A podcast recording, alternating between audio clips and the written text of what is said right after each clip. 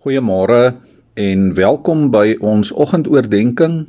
Ons staan stil by die laaste hoofstuk van die Johannes Evangelie op dag 21 van die 3 weke inperking.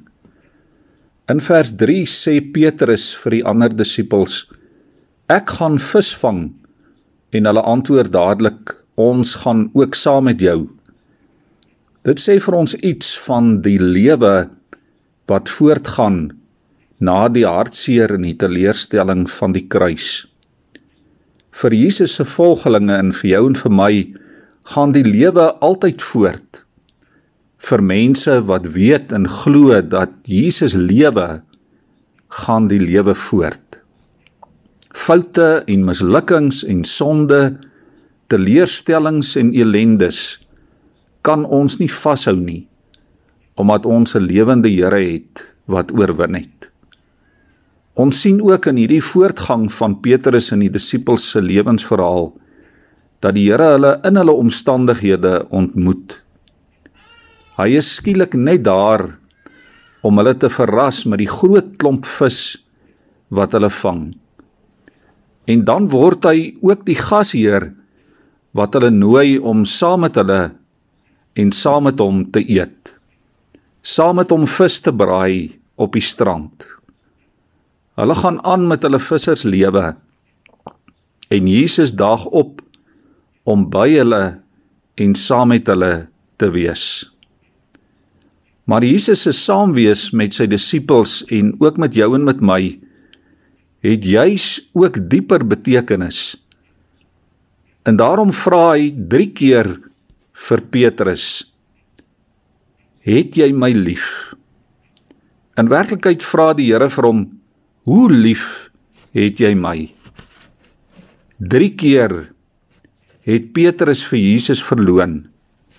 En 3 keer vra die Here vir hom hierdie bevrydende vraag. Ons kan God se genade in hierdie 3 vrae duidelik hoor. Die intensiteit neem elke keer af as Jesus sy vraag stel. Dis asof die Here dit vir Petrus makliker wil maak om vry te kom. Makliker wil maak om aan te gaan met sy lewe. Om 'n nuwe toekoms te begin. Eers vra die Here vir hom: "Het jy my baie lief meer as al die ander?" En toe 'n tweede keer: "Het jy my baie lief?" En dan die derde: het jy my lief? Petrus was oorweldig. Oorweldig deur die liefde en die genade van die Here. En toe gee hy die antwoord wat die Here ook by elkeen van ons wil hoor. Here, U weet alles. U weet dat ek U liefhet. In Jesus se reaksie hoor ons elke keer dat ons liefde vir hom dan ook implikasies het. Laat my lammers wy. Pas my skape op. Laat my skape wy. Dit beteken eenvoudig dat die Here nou vir Petrus en ook vir jou en vir my vir sy volgelinge deur die eeue vertrou met sy herdersrol. Ons moet sy lammers en sy skape met liefde versorg. Saam met Petrus is ons as God se kinders verantwoordelik vir mekaar. Ons is verantwoordelik vir die lammers wat nog swak en jonk is in die geloof. En ons is verantwoordelik vir die skape wat al 'n pad geloop het met die Here. Ons is herders van die goeie herder. Ons moet kyk na mekaar. Ons moet mekaar versorg en mekaar lief hê soos wat hy ons liefhet. Liewe vriende, ek wil dit waag om vanmôre te sê die Here gee nie tweede en derde en vierde kansse nie. Die Here gee 'n nuwe lewe. En dit het Petrus ontdek na Jesus se opstanding.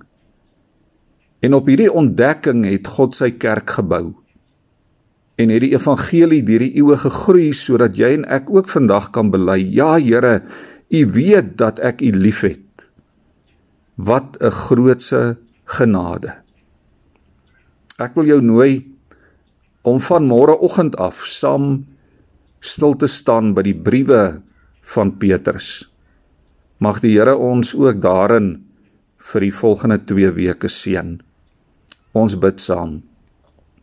Here, dankie dat ons in hierdie tyd kon hoor dat u lig skyn in die duisternis en dat die duisternis dit nie kan uitdoof nie.